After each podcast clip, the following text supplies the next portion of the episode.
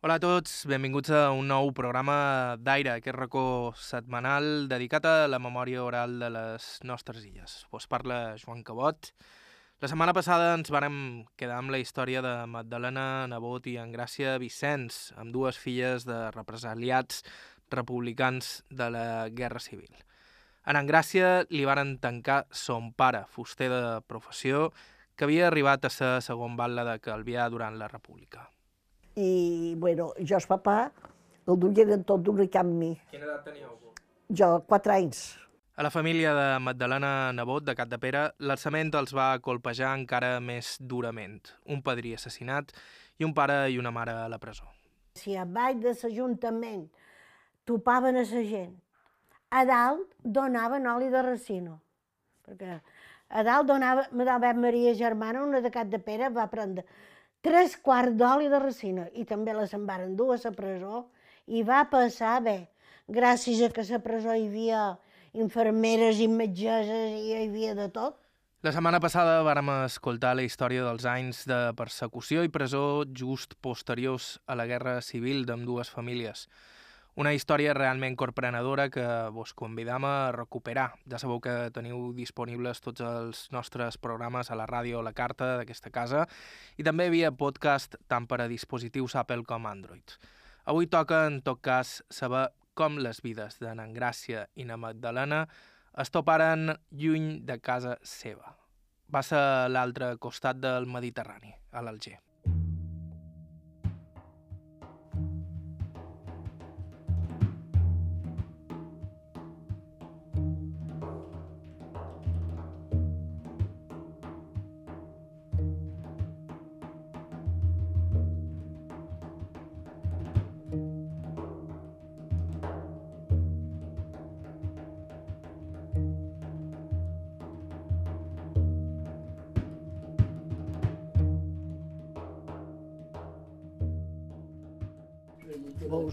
Tot cortines. I veus aquests edificis tan guapos amb les cortines. Aquesta és Gràcia Vicenç. Eh, està mostrant fotos del viatge que va fer ara fa pocs anys a l'Alger, un regal que li va fer la seva neta.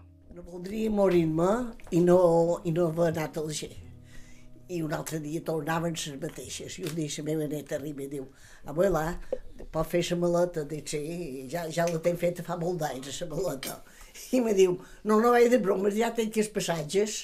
I era bona, ja tenia els passatges, ja m'havia arreglat per partir cap al G, partir cap al G.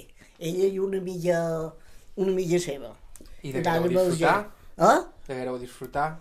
Molt el programa anterior, en Gràcia, ens va explicar com en quatre anys els falangistes es varen presentar a als seus pares per detenir son pare, que va passar quatre anys tancat a, a la presó. Un cop eh, fora va trobar feina de fuster en un taller i va posar en marxa un petit negoci fent mobles de fusta. Va ser llavors, veient que tots els seus esforços tampoc donaven per viure sense estretors, que va decidir que potser el millor era fugir de l'illa. I el meu pare, de veure que sa mamà feia feina fins que el papa arribava, perquè anava a Can López a fer feina, i quan acabava de Can López s'aturava a, a Can Ossa un momentet, i després s'anava a fer feina en aquest, en aquest local que tenia Mestre Francisco. I feia feina fins a l'una, a les dues de la nit, tenien la sort que tenien, van tenir molta de gent que se casaven i es donaven a fer, a fer els mobles aquests. I el papa, quan va veure que tot això ho feia, a dins ell sabut que ell anava fent o cercant. I va trobar un amic seu i li va parlar de partir cap al G. I el papa ni més corto ni peresoso va dir, vinga, diu, però jo no tenc només per, per un viatge d'aquests. I, i, I va xerrar amb el mestre que anava a fer feina Can López, eh, allà on feien feina, que era un taller bastant gran, i el, el mestre li va dir, Guim, jo te deixaré bé, jo els atenc i jo els te deixaré. I, ja els, I el papa va dir, com els te tornaré? Diu, els me tornaràs així com podràs, i no vull que passis pena per això. I el papa ho va acceptar. Va dir a sa mamà, pot preparar les coses, molt poques, perquè no mos poden dur més que el que l'ho imposat. I una muda. I res més, diu, perquè és una marca molt petita, de 40 pans, no sé si m'ho dau compte el que és una marca de 40 pans. No tenia ni camarot, vam decebre tot el temps, dos dies i mig, sense poder molt moure. I partim amb la marca. I en la marca també va haver una mica de licea, perquè anàvem a la porrassa per agafar la marca. I a la porrassa, quan feia un rato que érem per allà, va venir el patró, el que manava la marca, i va dir, eh, poden agafar el cotxe una altra vegada i anar a Mondes, perquè hi ha la Guàrdia Civil que està, que està guardant i mos poden agafar. I, i, i després mos anàrem eh, a Portal, Portal Veix. I a Portal Veix va dir, ara arriba la barca, perquè la barca havia anat d'una banda i va anar després cap a l'altra, i feia dia, entrava aviat a dins la barca, que els policies que estaven a la porrassa després venen cap aquí i que no tinguin temps d'agafar-nos. I agafàrem la barca i, i van poder partir. El cas de Magdalena Nebot és un tant diferent. Com han dit, ella va viure la tragèdia de forma encara més cruel. Assassinaren el seu padrí per no voler delatar el seu fill i la seva mare i el seu pare van acabar a la presó tancats. D'aquí que ella guardi un record tan especial de la seva padrina, que és qui la va criar. Era un àngel, la meva padrina. La meva padrina, quan sentia discutir, ara no sabeu callar. Per què heu de discutir? I, i l'altra padrina Magdalena, és que hem de dir les coses. La padrina Magdalena, ja li que se'n va un poc més. És que hem de dir les coses, hem de xerrar, mos hem d'entendre. No mos, no mos discutim. Però la meva padrina estava tan, tan tocada de la filla que no era, gènere tampoc, l'home que li mataren. I la nina petita que va quedar, va quedar desfeta. La meva padrina, jo l'estimava, no la me podien tocar. Pensa que un dia mon pare, clar, me troben jo en 10 anys, com fèiem amb aquests al·lots, se demanen, un pare i una mare, i el meu germà 16. Com adreçam a la nostra manera les coses, que diríem. I res, jo... I, i jo era molt, molt remolesta, molt, jo què sé, i, i un dia, diu, és que no sé com ho hem de fer amb aquesta. L'ha mimada tant, la padrina, com que de la padrina té la culpa un poc si com Anna Magdalena. I jo vaig dir, maixa, estàvem a la taula, maixa, diu mon pare, tu pumba, castigo-me, feis el que volgueu de la Magdalena, però no toqueu la meva padrina. Ja no va dir res més. Sa mare va estar gairebé tots aquells anys tancada a Palma. En canvi, son pare va anar de presó en presó, passant per Formentera i València, fins que finalment el varen amollar i va poder tornar a casa. Encara que no va passar molt de temps abans que no hagués de tornar a amagar-se. Després de Formentera, quan varen treure tothom, se'n varen a València i després no sé quina presó va sortir. Llavors, ja, després de quatre anys de presó, va sortir en llibertat provisional, perquè li varen sortir 12 anys. En havia fet quatre, n'hi faltaven vuit. Res, va, varen venir, varen sortir al mateix temps. Quan va acabar la guerra mundial, varen venir, ma mare també la varen amollar. Ma mare li varen sortir a la presó, eh, era jutjat sis anys de presó, però en va fer set. No la varen amollar fins que va acabar la guerra. És a dir, que al mateix temps amollaren tothom. Vam amollar mon pare, tio Toni, jo sé que tot anaven de cap a artar espera los I va venir, i va venir, varen venir al mateix temps. I jo tenia 10 anys, vull dir que al cap d'un any o això, varen tirar paperetes per tot Mallorca de propaganda anti, antifranquista. Qui varen venir a cercar? És que havien sortit en llibertat provisional. Varen venir a cercar mon pare, mo mare, diu, quan varen venir a cercar-lo, diu, no, no és aquí, és en el camp. Diu, i li voldreu dir que passi? I mare va dir, diu, sí. Tot d'una mo mare diu, agafa la bicicleta i vés a dir-li a ton pare que han vengut a cercar-lo. Vaig agafar la bicicleta, vaig anar a Seretat i li vaig dir, mon pare, hem vingut a cercar vos. Diu, bé, diu, ves, digues a ta mare que ja m'ho has dit i que estigui tranquil·la, que ja veuré què fas. Va agafar camina i resulta que també varen anar cercant Alberti i en Morales, que tots havien sortit de la presó en llibertat provisional. I varen decidir amagar-se. Qui és que entra a la presó pensant que millor t'hi faran estar vuit anys? No varen voler entrar i se varen amagar. Va ser en la clandestinitat que el pare de Magdalena Nebot va decidir fugir a Alger, un viatge perillós i no sempre fàcil que suposava posar-se en mans de contrabandistes. Aquests estaven conxorxats amb les autoritats, però només per treure i entrar a gènere. Les persones, especialment aquelles tacades per antecedents polítics, eren una altra història. El que ve a continuació són dues epopeies realment increïbles vàrem haver d'agafar camina també i mirar a veure si trobàvem barca. Mon pare, tot el temps que va estar al G, va mirar perquè ja se van posar en contacte amb els contrabandistes. I, clar, aposta estava d'acord amb Madame, amb Madame Morro, perquè Madame Morro tenia un que també traficava, que se cuidava de les barques que se n'anaven amb, amb Bessó a Mallorca, en contacte amb ells. Tan aviat era Mallorca com era el G, ell. Bou pintures, a, a, a, bé, és amb ell que m'on anàrem al G. Però m'on anàrem amb una barca de bou, carregat de bessó. I nosaltres fem passes grosses perquè no mos vessin els guàrdies civils. Sabeu que qui és que guardava els traficants? La Guàrdia Civil.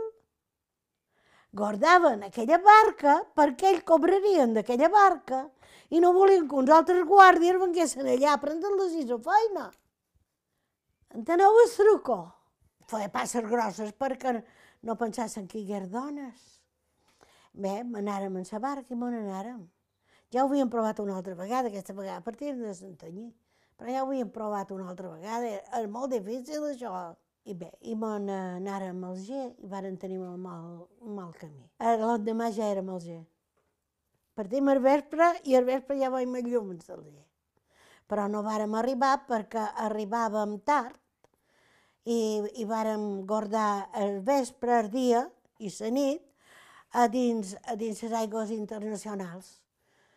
I, i l'endemà, eh, l'hora baixa, ja tornem a agafar caminet i m'on anàrem de cap a allà, aquí on havíem quedat, mos feren llums, perquè va així la cosa, i nosaltres segurament que també contestaren amb llums, que érem, i bé, i va davallar bot, perquè el primer que davalla és el bot, posa en contacte amb els que ha baix, si poden davallar o no poden davallar el bessó. I res, i varen...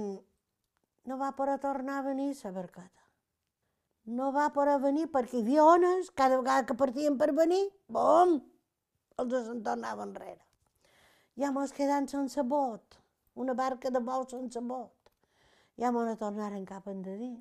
I d'oi tornàrem a les aigües internacionals, perquè estaven sense pot. Varen dir demà vespre i tornarem i mirarem a veure si el bot pot venir. L'endemà vespre tornem a agafar caminat i no hi va haver llums. No hi havia ningú, no vèrem ningú, cap senyal. Ja mos posaren tot nerviosos. Mo mare, que, que estava molt delicada, vomitant. Jo no vaig vomitar jo estava més bé que els mariners que hi havia. I, i res, i, i què feim? I bueno, tornem a Mallorca.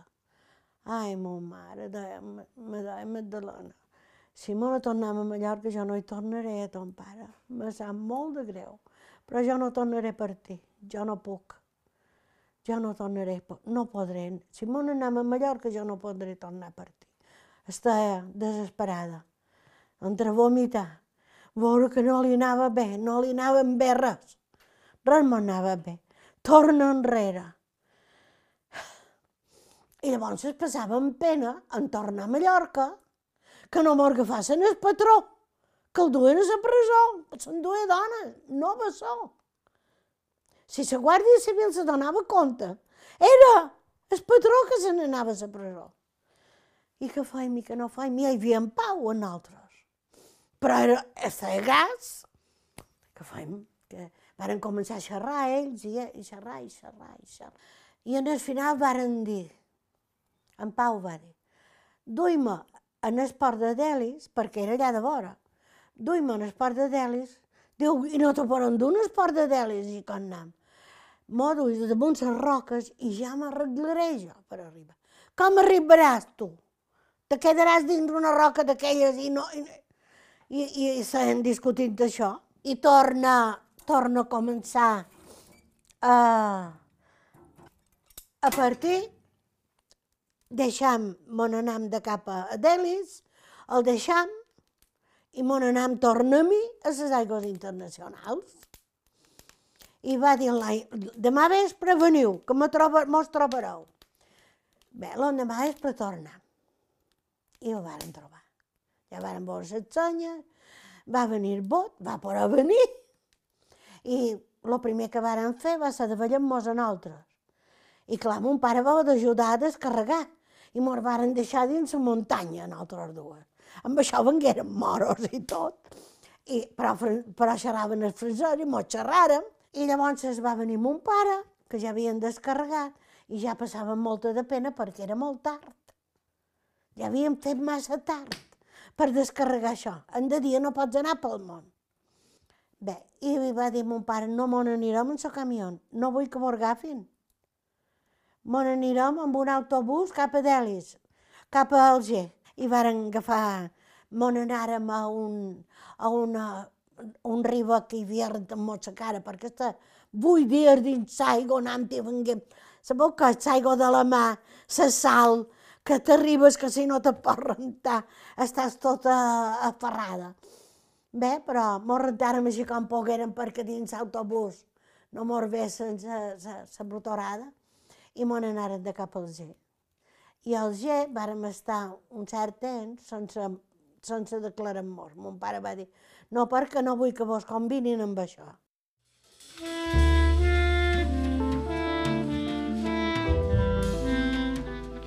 Era Magdalena Nebot explicant-nos la seva travessia fugint de la Mallorca franquista cap al G, on hi viuria molts anys abans de tornar a l'illa. En comparació, el viatge d'en Gràcia Vicenç va ser relativament plàcid, encara que també va durar diversos dies. En tot cas, el que varen trobar a l'altre costat del Mediterrani va, ser, va fer que el viatge valgués la pena. Vàrem estar dos dies i mig per poder arribar al G li varen malger, però beneït el G llavors, beneït el G, perquè allò va ser d'un infern, que crec que n'hi ha d'infern, a, a, a, a sa glòria, perquè allà hi havia de tot. Era una capital, bueno, hi havia molta de cosa d'hortalissa, i m'enviaven cap a França, hi havia un tragí de...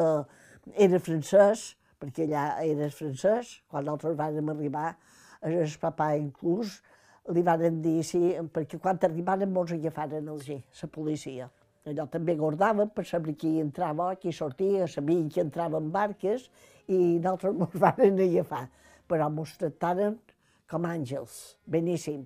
Tot d'una ens van dur un puesto a un puesto, ens van fer menjar, sé que jo me'n record beníssim, ens van calent. I ens feien fideus, recordaré, un fideu molt bons, i i després eh, que estaven allà, que m'ho agafaren, van dir ara podeu partir, partireu cap al G, un autobús vos donar cap al G. Però si en els 15 dies no teniu feina, vos, tornar, vos embarcaran cap a Mallorca una altra vegada.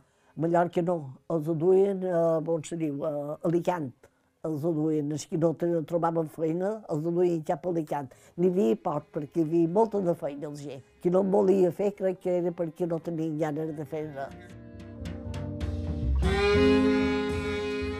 D'aquí uns segons, aquí a Aire, l'Alger i la vida lluny del franquisme.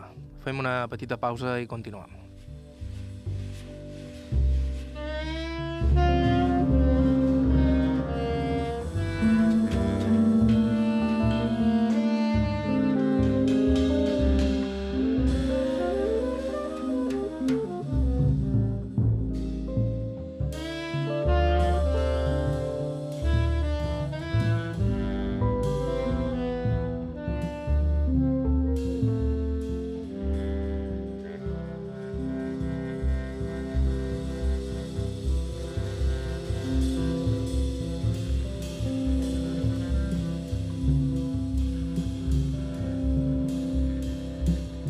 A IB3 Ràdio, Aire, amb Joan Cabot.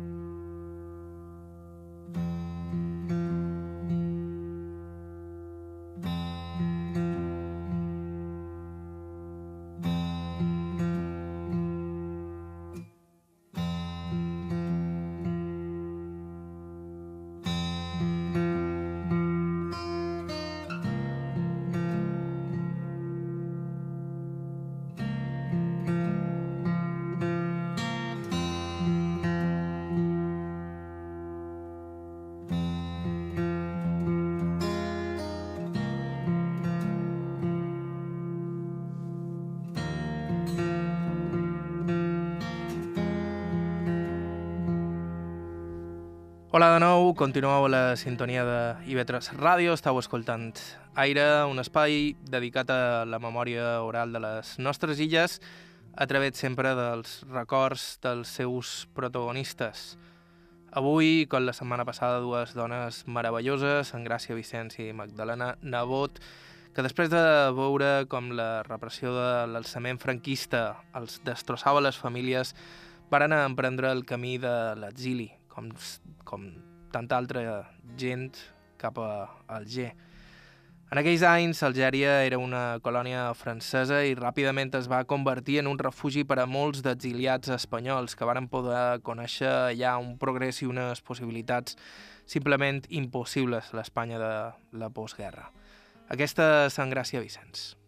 I el papà, els, els dos dies de l'Alger, ja va trobar feina, de fuster fent feina de fuster, a poc a poc, a poc a poc, eh, se, se va dar compte que feia falta, eh, que ningú feia, eh, eines de fuster, que se diu un rabot ara en mallorquí. Això que quan els fusters passen aquella eina, ai, que se diu, que, que fan borbaies, sí, ah, no sé què se diu en mallorquí. Un, se deien rabots al G. Bueno, se va dedicar a fer això perquè hi havia d'haver tres o quatre escoles d'aprendissatge de fusters i els joves que hi anaven necessitaven eines. I anaven a comprar-les. I, clar, sabent que el papà els feia, eh, el papà els venia les eines a ells, els joves que anaven a, a comprar-li, guanyava el que volia, guanyava el que volia. Inclús, claro, va haver de declarar com mentre tenia aquell local, que ell mateix el se va saber muntar, i per, per, per pagar els imposts que havia de pagar. I, li, i quan van veure la feina que estava fent, l'enviaren a demanar i li van dir, vos faran la, casa, la carta d'artesà. I li feren la, casa, la carta d'artesà, que era ja el darrer que tenien es, una persona que feia feina. N'hi havia molt pocs, sobretot espanyols. I, i, i li va anar, però li anava més que bé, més que bé va guanyar molt de dobbers, va per enviar, eh, primer, els primers dobbers que va fer els va enviar al López, que li havia deixat per viatge. Inclús va tenir dobbers per comprar una casa aquí a Mallorca. I va comprar una planta baixa i un darrere la Guàrdia Civil. No estava molt en fora d'aquí. Les eines que feia l'amo en Guillem i de les que parlaven en Gràcia fa uns segons, ho vaig estar mirant, es deien garlopes. En això es dedicava a fabricar aquestes eines allà a Alger. A l'exili, la família no només hi va trobar facilitats per tirar endavant i pau, sinó també una comunitat de gent exiliada com ells que s'ajudava mútuament. A Alger hi havia una banda que li deien Orfeon espanyol, i d'aquesta Orfeon era que feien ball, feien festes, ahir anaven molt d'espanyols, claro, feien balls, i anava una orquestra, i feien balls, i va conèixer el papà, en edició d'allà, un home que, tenia, que vivia, que diguessin cas català, palmi cas català. I, I li va dir, Guillem, si voleu venir a viure nosaltres, no tenim infants, era només ell i sa dona, veniu que tenim molt de puesto i, i, i se sé que vos trobareu bé. Sa mamà tenia dret a la cuina, teníem dos quartos per nosaltres, i era una gent tan fabulosa que sempre dinàvem plegats, si importa. Si ells hi eren i nosaltres hi érem, ens van fer molta nits, i més vells que hem tenit la mateixa casa, i vàrem estar, però més que bé vàrem estar. La mateixa història conta Magdalena Nebot. En el seu cas, qui els va ajudar va ser precisament mestre Guillem, son pare d'Engràcia. Aquí és on les històries de les nostres dues protagonistes es creuen. De fet, encara avui dia totes dues són amigues i conserven el contacte. Vaig arribar al G, ja mai posar... L'endemà ja vaig trobar feina, ja mai per haver feina, tot el temps vaig tenir feina, ja el G. Arribàrem, no teníem llit, llit que tenien no era bo, era una caseta que teníem allà a Morro, que estàvem allà a la Pont Pescat. I hi havia la, la platja que li deien Franco. Cago en dena, mos, que mos, mos segueix aqueix. I vàrem, i vàrem eh, anar a dormir allà, i el primer que vàrem fer va ser, com que ja coneixia el mestre Guillem, fèiem feina junts, i ell havia posat un talleret que feia, feia obra de, d'eines de, de, de fuster. I mon pare continuava fent feines a fàbrica. I li va dir, Guillem, mos podries deixar tot bes per poder comprar un llit i una màquina de cosir, perquè ma mare ja cosia i jo també. Però jo anava ja a taller, jo anava a fer americana, només fèiem americana, ma mare només volia que fes americana. I, i el mestre Guillem li va deixar tot bé. No anàrem ni un cine, ni gastàrem un cèntim, ni gastàrem un res i tornàrem a dos el mestre Guillem. I el mestre Guillem diu, això són els primers dos bes que rep que m'han demanat i no he hagut de demanar. Ho dic per dir que vos com hem anat sempre per la vida. Si no haguéssim hagut de menester llit per l'endemà que s'ha fet feina, encara que haguéssim esperat tenir l'economia per poder-lo comprar. I és que m'ho va deixar dos verbes al mestre Guillem.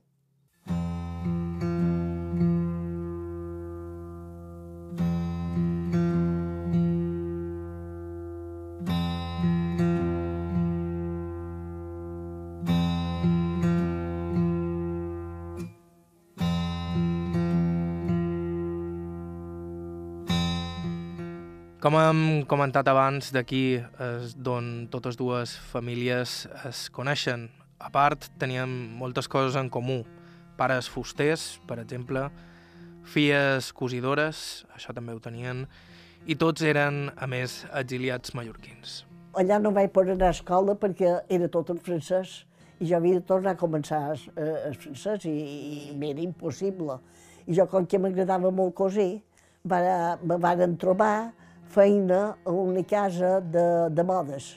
Tenia pintura de 7 anys, de 7, de 8, i vaig continuar en cases de moda, el que vaig mudar a dos puestos.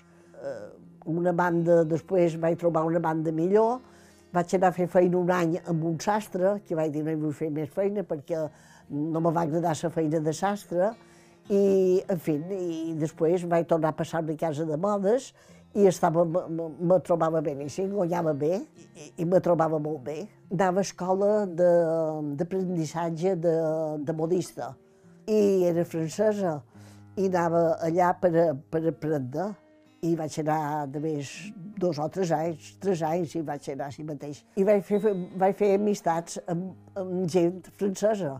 I fent amistats amb gent francesa ja no m'anava a saber fer on, m'anaven els altres i, i ja duia, va, vaig agafar un altre ritme, jo. Ser jove, i me vaig fer francès, que me va costar molta pena, eh? perquè se'n reien de jo quan xerrava en francès, perquè deia moltes d'animalades, però jo havia de dir animalades, però després aprendre una, una veritat. Vaig arribar a aprendre-lo, vaig arribar a aprendre-lo, però me va costar, me va costar, perquè és una cosa estudiar-lo i dir quatre paraules a poder tenir una conversació amb la gent. La Magdalena no va tenir tants problemes per aprendre l'idioma. Salta a la vista que ella sempre ha estat una persona més extrovertida i encara avui en dia és una persona d'una personalitat fortíssima. De fet, allà al Alger, ella duia una vida social realment activa.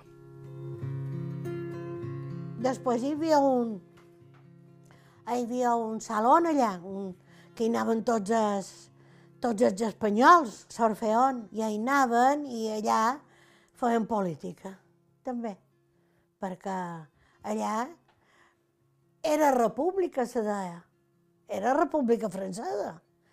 I república francesa, pues, hi havia republicans, hi havia comunistes, el que no varen veure gaire van ser socialistes. Allà, els únics que feien feina contra en Franco eren comunistes. I res, i mos posàrem allà a fer feina, jo vaig fer teatre. Llavors me vaig conèixer amb en Jaume, però ja, feia, ja ho havia vist, ja m'ho havíem vist antes. Però jo no pensava anar amb ell, jo anava amb altres i anava amb els joves, anaven en Gràcia, a ballar i... També en això, Alger era un país realment avançat en tot el tema de la vida sentimental. Res a veure amb les estretors catòliques de la Mallorca franquista. La Magdalena fins i tot ho duia tot un pèl més enllà i tenia claríssim que el seu nòvio havia de ser, sobretot, roig.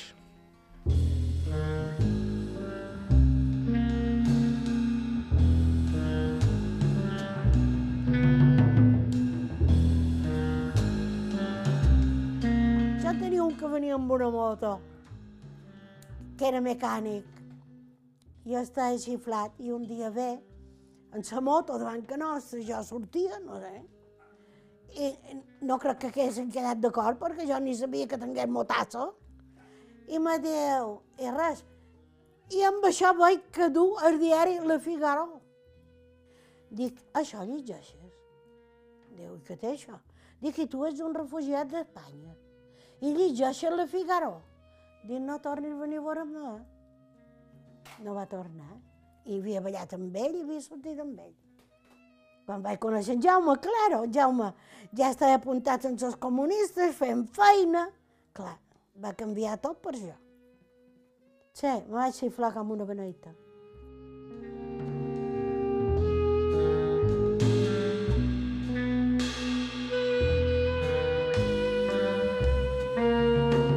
Tenint en compte el paradís de llibertat que dibuixen totes dues, sobretot en contrast amb aquella Espanya repressora de la que varen fugir, la pregunta és com així varen decidir abandonar Algèria.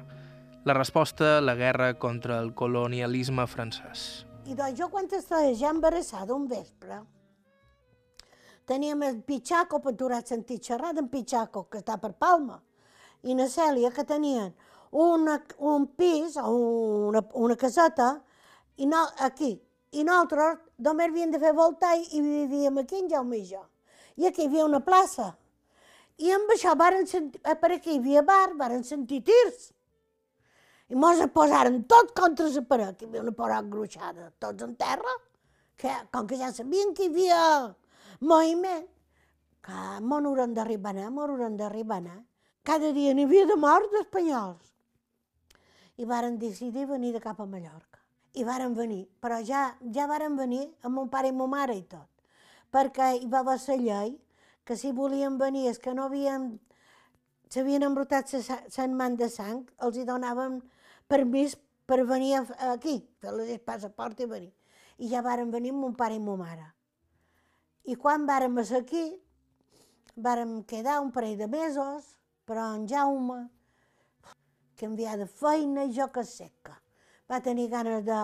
Hi va haver un d'Arvisa que havia fet feina amb ell. El G, si vens a París, guanyant molt, i si vens a París, i si vens a París... I res, i va agafar caminot i se'n va anar a París. I jo me vaig quedar i me'n vaig anar al amb mon pare i mon mare.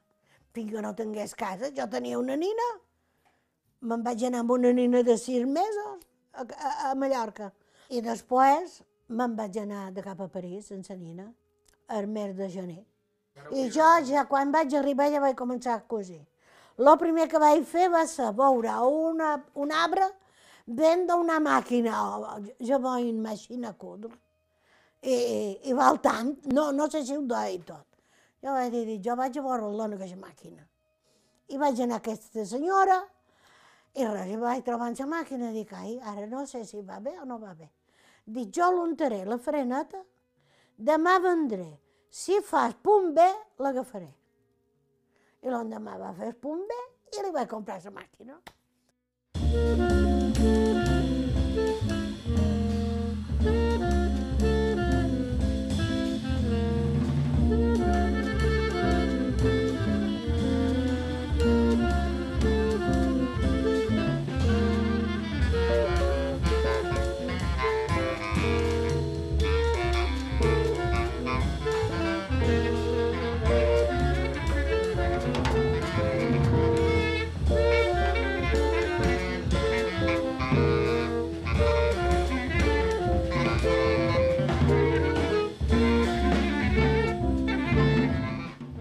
A París, na Magdalena hi va estar uns quants anys abans de tornar a Mallorca. En canvi, n'Engràcia va tornar anys abans. En el seu cas, per amor.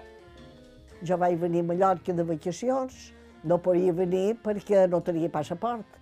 I vaig anar al consulat, i en el consulat i vaig anar amb una mica de d'això, vaig dir, els meus pares vengueren, jo era menor d'edat, i ara no tinc passaport, no puc tornar a Mallorca a veure la família, i el, el un dia me va comprar de pintura i me va dir, passa d'aquí un parell de dies i ja te diré coses. De moment no te puc fer res. I vaig tornar a anar i me va dir, tu eres menor d'edat, tu no podies decidir quedar a Mallorca o venir i t'he fet, fet el passaport. I me va dar el passaport i vaig venir de vacacions venint de vacació em vaig conèixer això tan guapo. Posta aquest. Posta tantes viudes.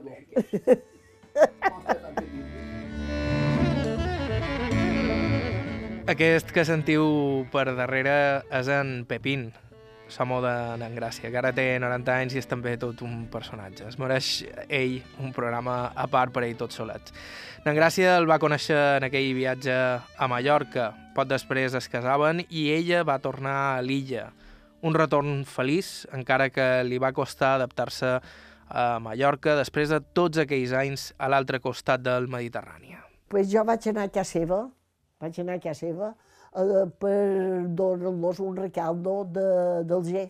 I ell era a casa seva i ja van quedar que si anem a fer una volta, si sortim un poc, i, i quatre besades que ningú mos vés, perquè aquí no podies besar-te davant tothom. Oh, no, era un picadot, i no.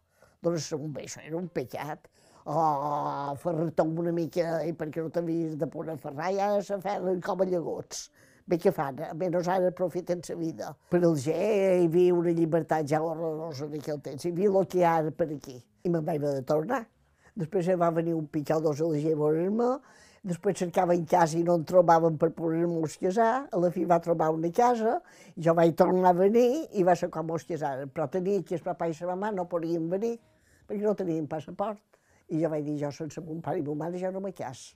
I res que no sé com s'arreglaren, van arribar a tenir, ja havia passat tant de temps, eh, a fer el passaport, perquè eren venir, mos casant, i jo me'n vaig quedar aquí, però el papà tenia la feina allà, i els en tornaren cap al G. El G, bueno, jo el que vaig, sort que m'ho vaig casar, i quasi tot ho vaig dur d'allà. Vajilles, olles, roba, aquí no hi havia res. Aquí m'enviaven a la botilla a comprar una tia meva, que jo, quan vaig venir de Fredina, estava a casa seva, i a les botilles hi havia, que se diu això, que mengen els, els conills, ufaus i greixoneres de test. No hi havia res pus, no hi havia res pus. Era una misèria horrorosa que hi havia aquí a Mallorca. La gent, com a tonta, la, la vaig trobar com a tonta.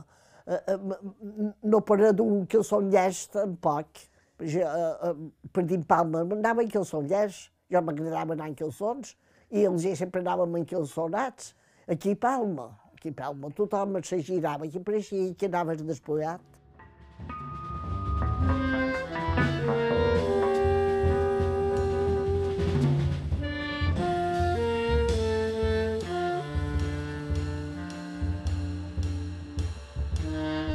Nosaltres fem una petita pausa, tornem en uns instants en aquesta sintonia de IB3 Ràdio. Fins ara.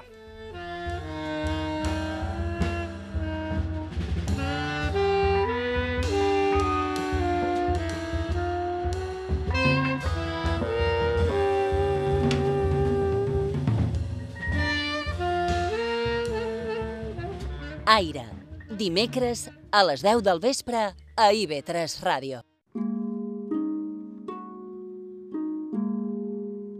A IB3 Ràdio,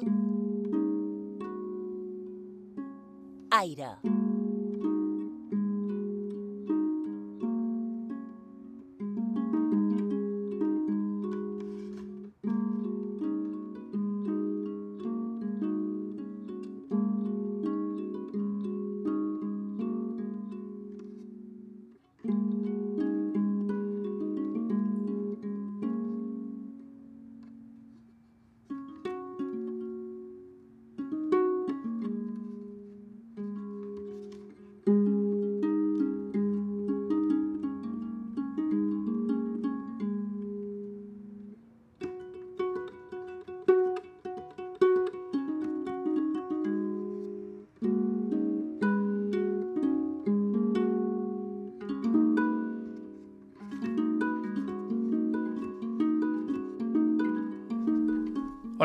Nou, estàu escoltant Aire i Vetres Ràdio, vos parla Joan Cabot. En el programa d'avui i en el de la setmana passada hem escoltat el testimoni d'en Gràcia Vicenç i Magdalena Nebot, amb dues filles de presos polítics durant la Guerra Civil, que ens han explicat com varen acabar totes dues refugiades a Algèria. Hi ha moltes coses que ens han cridat moltíssim l'atenció de, seves vides, de les seves històries. D'entrada, la increïble crueltat dels falangistes amb una gent que sovint no havia fet mal a ningú. Les raons per tancar-te o fins i tot assassinar-te podien ser tan ridícules com haver participat en algun acte polític o que ho hagués fet un familiar directe, haver escrit en alguna revista d'esquerres o haver-te desmarcat de la manera més subtil del que es considerava el camí recte. No és estrany que en Engràcia s'encengui quan parla d'aquells dies i com es va portar aquella gent en la seva família. Perquè de nina petita passar i veure passar sa mamà, ara de, de major, i anar reflexionant el que passava amb ma mare, no hi ha dret. No hi ha dret per una cosa d'aquestes. Perquè els tancaven, que feien aquests homes per tancar-los. Encara, mira, estan tancats, poden tornar-ho a comptar però és que no tancaren, que els mataven, perquè els mataven, perquè els mataven.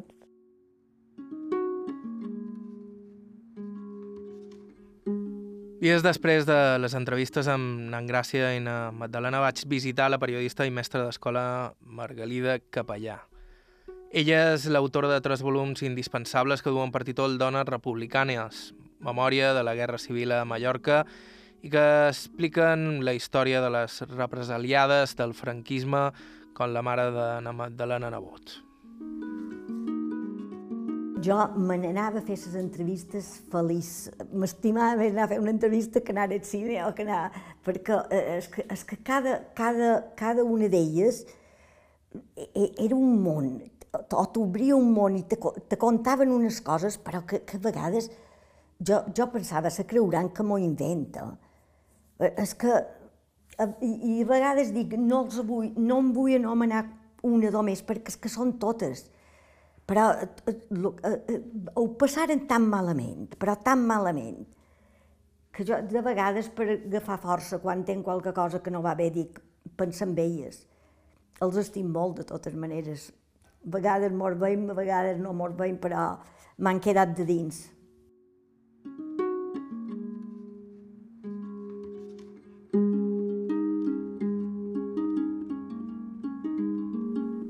De fet, na Margalida parla amb especial apreci de Maria Baquer, la mare de na Magdalena Nebot, una dona, ja ho comentàvem en el programa anterior, realment avançada en el seu temps. Alguns dels seus escrits feministes serien vigents avui en dia. No sabem si això és una paraula bona de cap als escrits de Maria Baquer o una paraula dolenta de cap al que vivim avui en dia. Era, era una dona molt adelantada a, a, a la seva època. Aquesta, aquestes republicanes, si hagués seguit la república, crec que ara no haurien d'estar reivindicant el paper de la dona, perquè, clar, la república li va donar ales a la dona i li va donar vot, i entre aquestes dones, Aurora Picorné i, bé, i tantes altres, les Roges del Molinar i na Maria Baquer. Però jo a Maria Baquer, Baquer li tenc una especial estimació que podria fer aquí en aquella societat. És que jo a vegades ho penso, dones i homes, tu, tu saps com, com, com va quedar aquesta gent?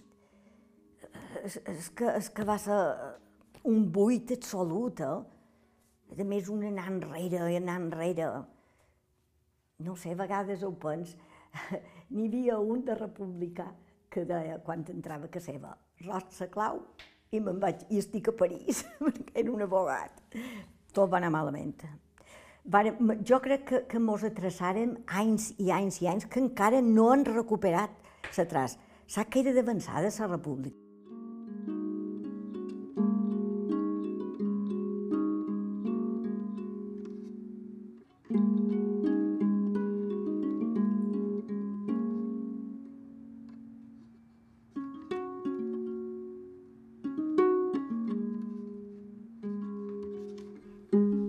Margalida Capellà, a casa seva, el Terreno de Palma, me va explicar algunes de les històries darrere les presoneres que apareixen en els seus llibres.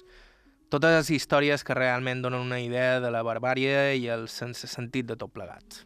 Algunes d'elles els eh, tancaven a la presó eh, pels homes, pels seus homes, perquè elles no, de vegades sí, per exemple, na, na Aurora era, bé, era activista, però, per exemple, na, na Pura Manzanares i na Catalina Massutí, que eren de Falanich, aquestes eh, no, era per seus homes. Un era Oliver Domenge, que era Esballa, i l'altre era en Reus, que era jutge de pau de Falanich. Però vull dir que aquestes dues sí que... Aquestes sí que va ser per homes. I altres, qualcuna perquè havia, alguna perquè havia cantat la internacional, de, les coses, coses així que no tenien, no tenien cap sentit, o perquè havien fet senyes als avions eh, eh, amb tabeoles. No, no, si es tenies la roba, no, no. I de deien que feia senyes als avions republicans. Eh, eh, eh, és còmic, si no fos tan tràgic, és còmic. Mira que m'ho deia Catalina vi plorant, pobreta, era d'esporles crec que ja és morta. M'ho han fet passar pillo. Jo no he fet mal a ningú, però m'han fet estar a l'estaqueta. Ara veuràs l'Antònia Noguera per què la tancaren en Antònia Noguera. Mira, diu, l'Antònia Noguera sap per què la tancaren? Perquè estava a la fàbrica de sabates de Can Baia, a l'Aró. I a bany hi va aparèixer en terra una pintada que deia Viva Sanya, Sanya, per Nadalla. I per això la tancaren. Després se va descobrir que qui ho havia fet no era ella, però, però va estar tancada. Viva Sanya. L'acusaren de, de Viva Sanya. Un altre de, de cantar la internacional i així. I així. Per exemple, na, na Francisca Llopis va estar en pena de mort, eh? tancada en pena de mort. Les germanes Marquès també, eh? O sigui, m'aparell que és una Jan Marquès que me diu que cada vegada que sentien la campanilla els vespres eh, tremolaven perquè estaven en pena de mort i potser en pena, igual en pena de mort estaven 6 i 9 mesos. Oh? I, i, I aquesta dona amb 8 anys, en la nit, se'n va anar amb son pare i sa mare acomiadar-se del seu germà que el vin de matar ietes. Tu t'imagines una nina de 8 anys a ietes acomiadar-se del seu germà perquè el vin de matar és de matí, de fet, el tragueren i ells se n'anaren. Eh, no sé, quina vida... Jo no sé de vegades ni com van superat ara això.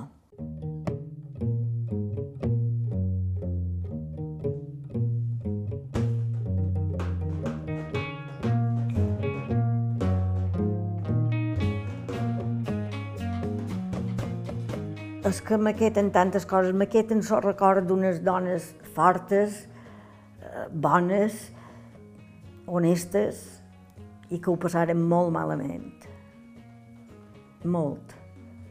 I, i, i, i, i amb una injustícia tan grossa.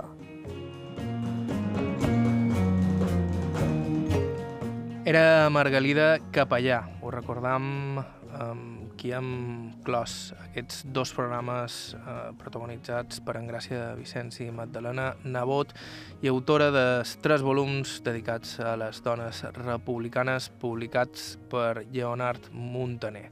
Nosaltres amb això arribem en el programa d'avui, en el final del programa d'avui. Moltes gràcies a en Gràcia Vicenç, a Magdalena Nebot i a Margalida Capellà pel seu temps i també a David Ginart, que ens va ajudar a localitzar les nostres dues protagonistes. Ens podeu seguir a Facebook, Aire IB3, a Instagram, Aire barra baixa IB3, i ens podeu escoltar pel podcast i altres serveis similars. Però recordam que alguns dels materials d'aquest programa formen part dels fons dels arxius del SOI, la imatge dels Consells de Menorca, Eivissa i Formentera i de l'Arxiu Oral de Mallorca de la Fundació Mallorca Literària del Consell de Mallorca. Bàrbara Ferrer i Margalida Mateu a la producció executiva, Jordi Pol i Mateu Moll ens han assistit a les entrevistes, Alberto Guillén a la producció tècnica, vos ha parlat Joan Cabot, fins la setmana que ve.